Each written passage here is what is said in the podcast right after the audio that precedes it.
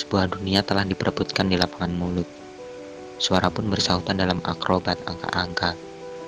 Berpuluh kaki lebih bermakna mempermainkan mata dalam kaos kaki dan tetesan keringat. Barangkali setiap permainan dibatasi angan-angan, dan ketetapan untuk pemenang hanya ditentukan oleh lengkung peluit. Lihatlah, kain warna-warni yang memagari kehidupan ini. Bukankah itu pikiranmu yang dengan mudah dicampakkan? Sebuah keyakinan tengah diperebutkan di lapangan hati, dan seorang tengah kehilangan kepalanya, terpagut dalam gelombang harapan.